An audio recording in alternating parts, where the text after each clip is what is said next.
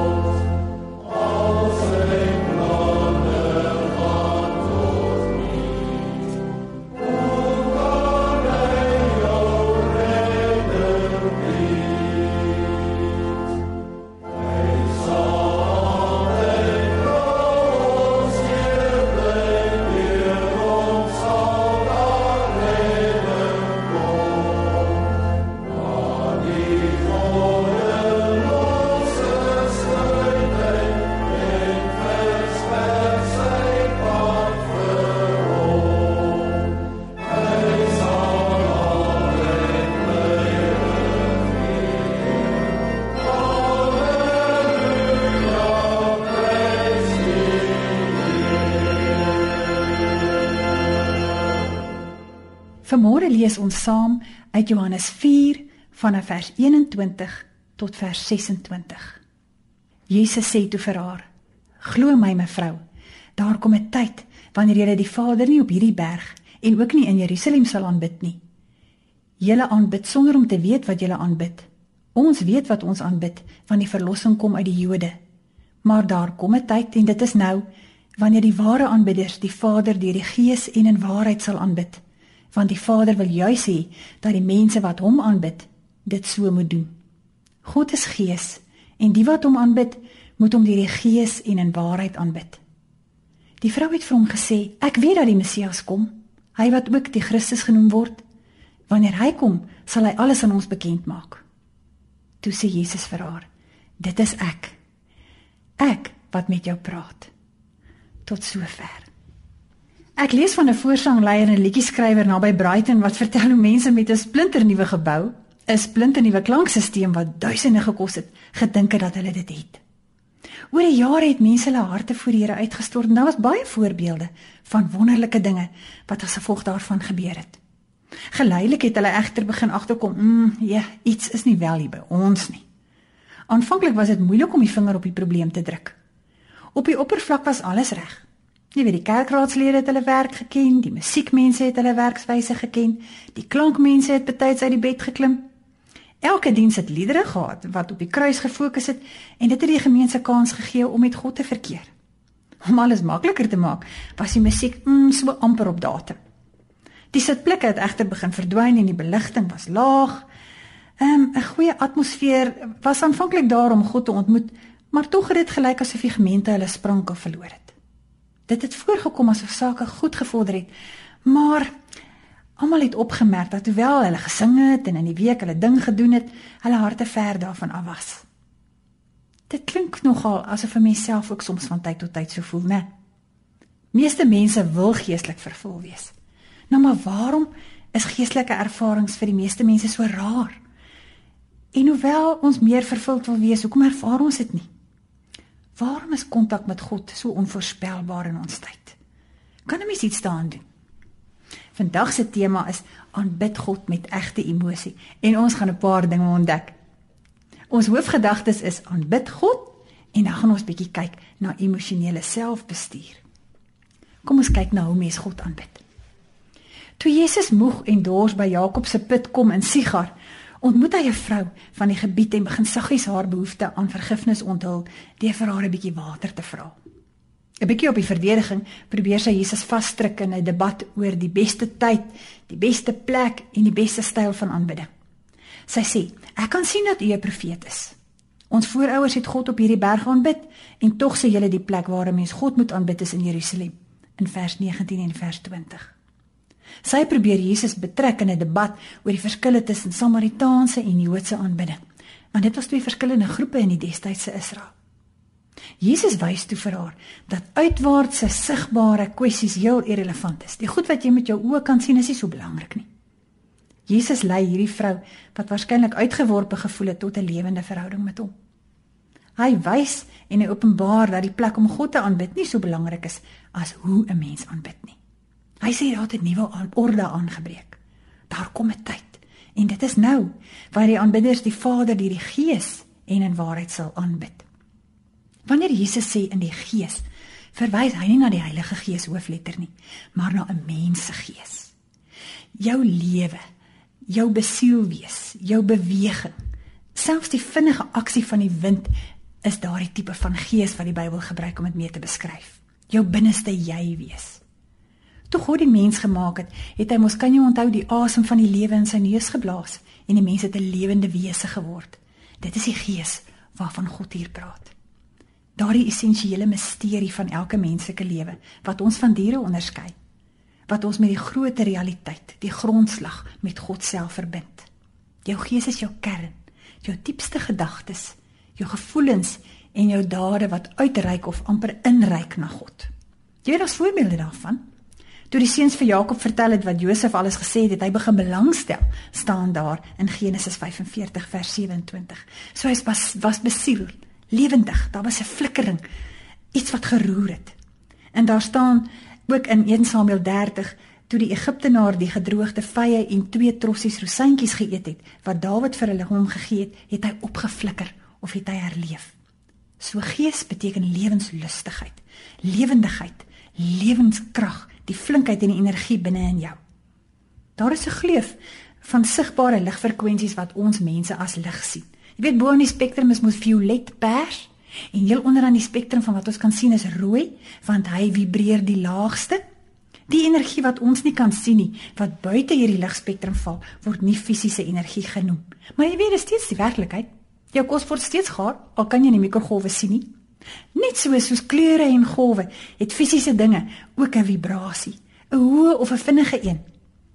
En skimmel se vibrasies is byvoorbeeld stadiger as 'n goudvis se wetenskaplike navorsing deur toonaangewende fisici en wiskundiges bevestig dit. So oor die 50 jaar gelede in 1947 het Dr Jenny ontdek dat vibrasies patrone vorm. Hy het verskillende stowwe soos metale en poeiers en vloeistowwe op metaalplate gesprei wat bo op 'n osilator gemonteer was. Hy maak mos 'n geluid. Sodra dit vibreer, het die stowwe patrone begin vorm. En so die finale akkoord van Handel se Messia komposisie wat Christus se geboorte en lewe vier, kan jy jou glo 'n 5 perfekte 5-ster punt gevorm. In ons alledaagse lewe gebeur dit ook. 'n Sopraan sing en vensters kan ratel of 'n champagneglas kan bars. 'n Kerkorgel kan speel en die kerkbanke vibreer of 'n mens se borskas vibreer mos ook sommer met daai lae note. Op onsigbare mikrovlak gebeur dieselfde met mense. Ons gedagtes en ons gevoelens vorm ook vibrasies en patrone. Ja, wanneer mense voel, is dit soos 'n klippie wat jy in 'n dam gooi en hy maak kringetjies. Die wetenskap het begin wys dat wat ons altyd nog intuïtief aangevoel het, bestaan. Jy het 'n effek op my, dit wat jy voel en wat ek voel het 'n effek op jou. Kilian se eksperimente met paartjies by die Heuristic Institute het 'n dramatiese reeks korona reaksies getoon. Die vingerpunte van beide man en vrou is gefotografeer gelyktydig terwyl hulle opdrag gegee is om eers onplesierige gedagtes te dink en dan liefie gedagtes oor mekaar. En gedurende die onplesierige gedagtefase het niks gebeur nie. Maar toe die paartjies aangename en liefdevolle gedagtes gedink het, het dit begin lyk asof daar lig uit hulle velle straal. En toe hulle soen het hulle saam gevloei en saam geloop hierdie helder strale om hulle vingerpunte. En dit het konsekwent opgelos tot dit moeilik was om die een van die ander te onderskei. Ja, nee, ons DNA het elkeen 'n eie melodie. Die digter Guzetta het hierdie wetenskap die beste opgesom toe sy geskryf het: Sneeuvlokkies se vorms en blomme se gesiggies mag dalk hulle eie vorm aanneem omdat hulle reageer op klanke in die natuur. En net so is dit moontlik dat kristalle, plante en mense op 'n sekere manier musiek kan maak wat hulle eie sigbare vorm aanneem. So, jy is dalk 'n liedjie. Indien jy jou emosies met ander woorde kan leer bestuur en benut, kry jy 'n vrug kry jy nog 'n noot in in jou lied en leef jy nader aan God. En dan kan jy musiek maak wat daardie noot in het en so outomaties dit van jou verlang. Dit wat jy verlang in jou lewe kan jy na jou toe aantrek op grond van die positiwiteit wat jy uitstraal. Net 'n gevalle studie. CJ vertel, toe sy 45 jaar oud was, het sy soos 'n ou persoon gevoel. Sy het vir 5 jaar geleef met lupus en skleroderma, beide outo-immuunsiektes. Steroïde het haar gewig laat ontplof, vertel sy. Sy moes met 'n kierie na die posbus loop en sy het sommige dae sommer hande vier voet die trappe opgeklim. Sy kon gereeld nie bestuur nie en sy moes op familiestaat maak vir alles. Dokters het gesê dat haar hart enige oomblik kan gaan staan.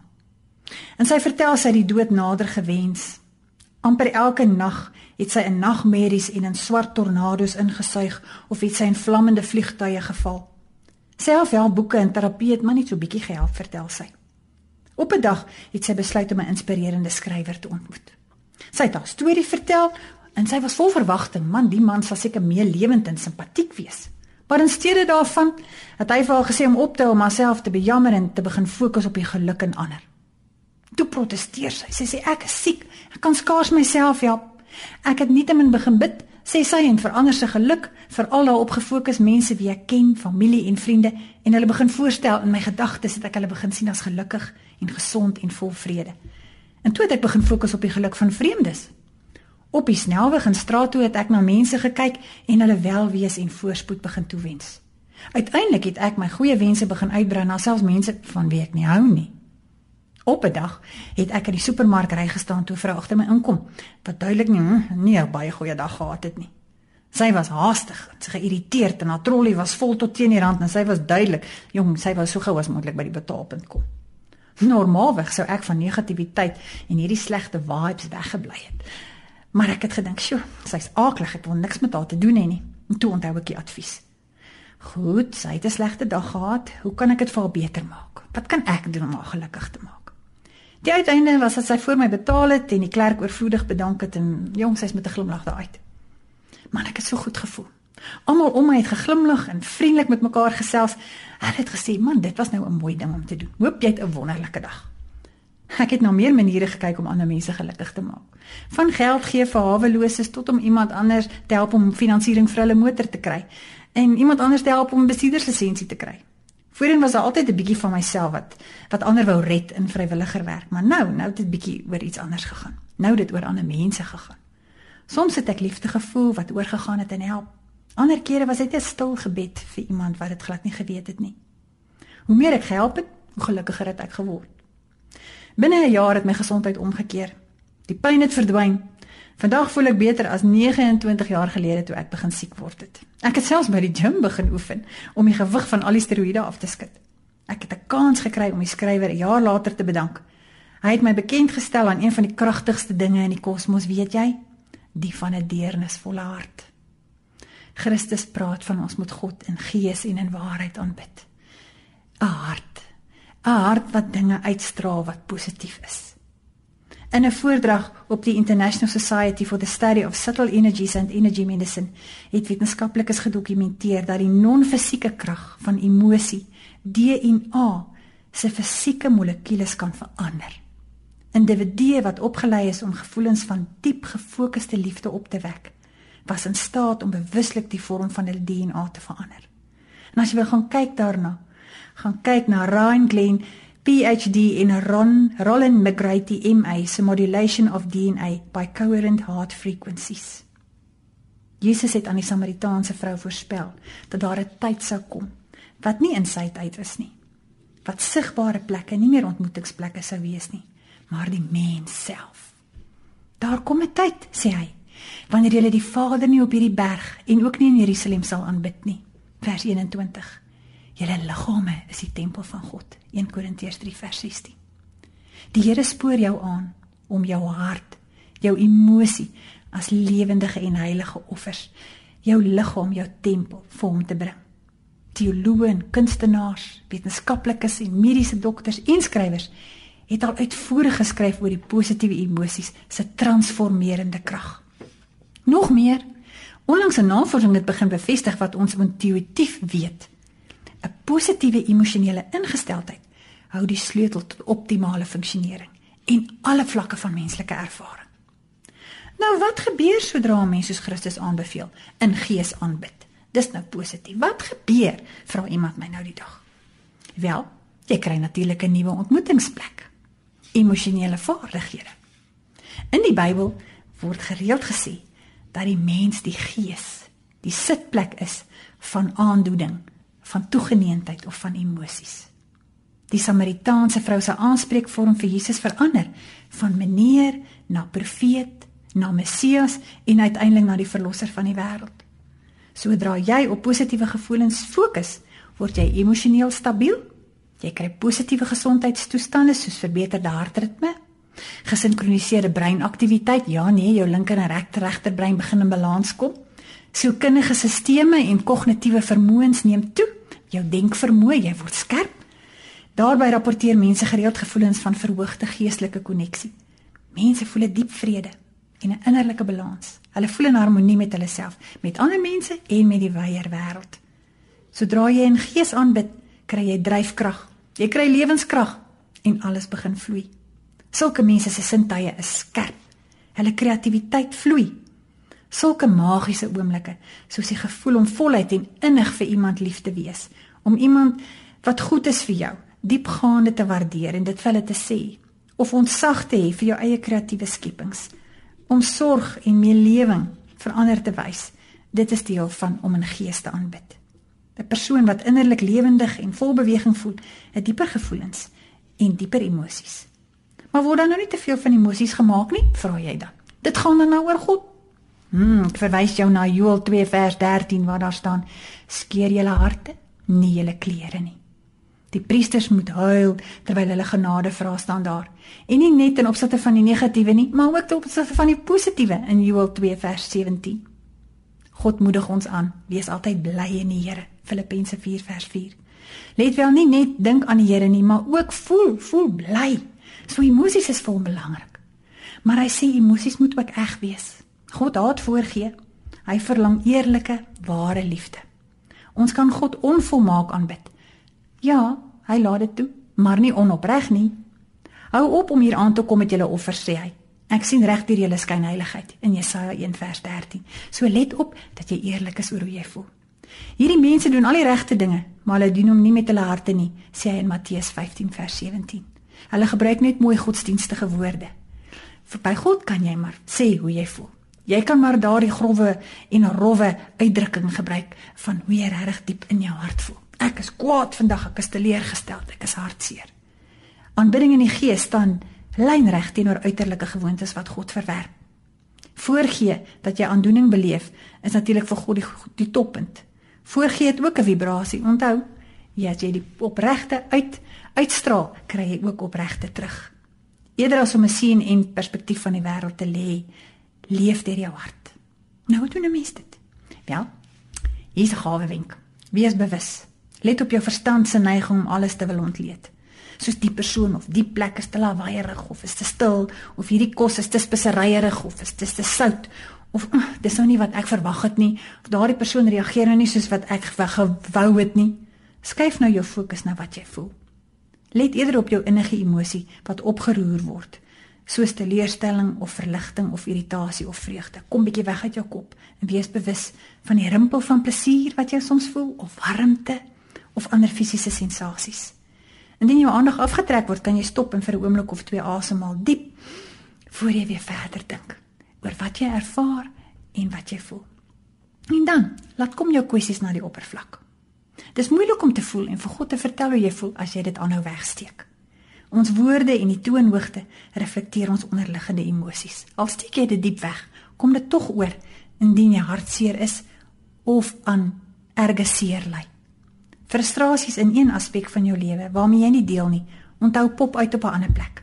Ons almal ken die verkeerde veerbaas by die werk wat sonder enige sigbare werksrede sommer almal op eiers laat loop of versigtig laat wees of 'n pa of 'n ma of 'n tiener wat na skool of werk op almal by die huis blaf. Wanneer dit gebeur, moenie jouself veroordeel nie. Luister en leer. Waarna moet jy luister? Luister na jou eie hart. Voel jy omgekrap daaroor? Voel jy woedend?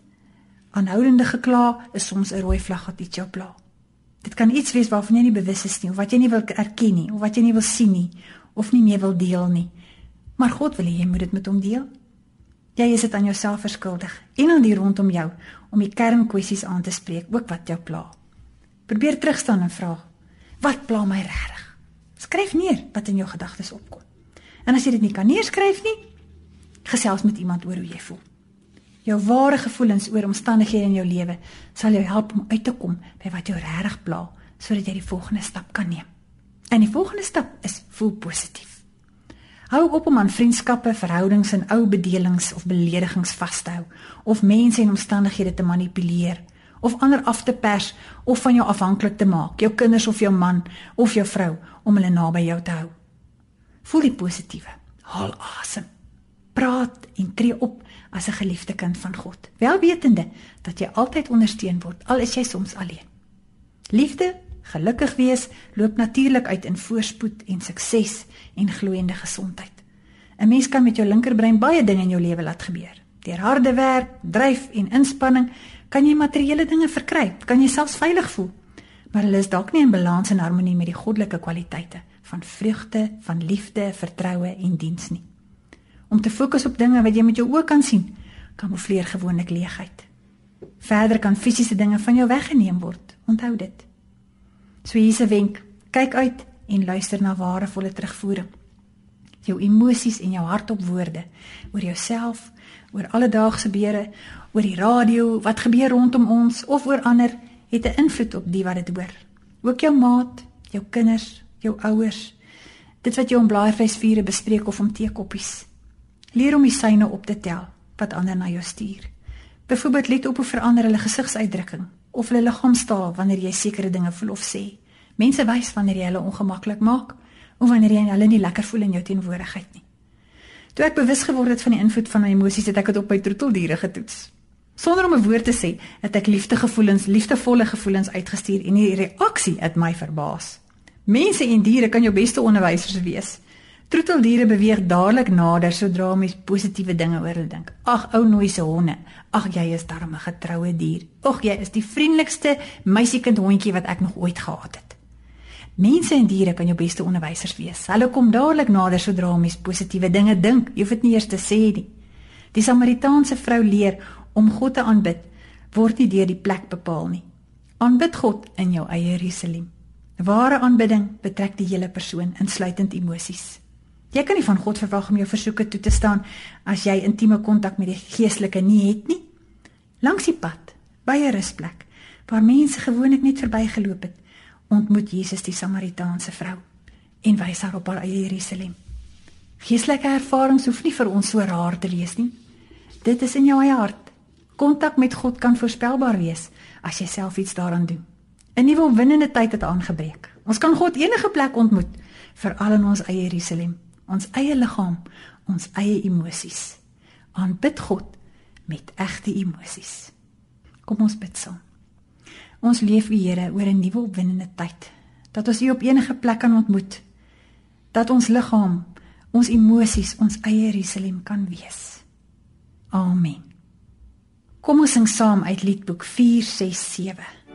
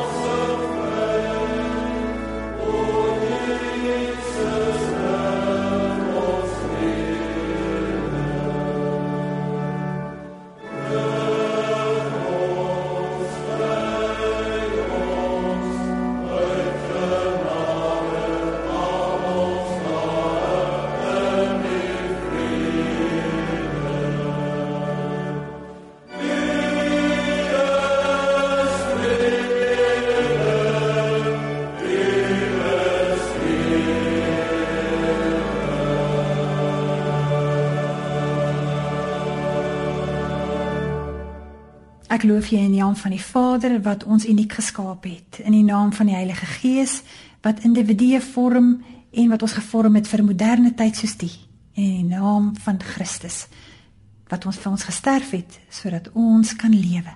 Amen.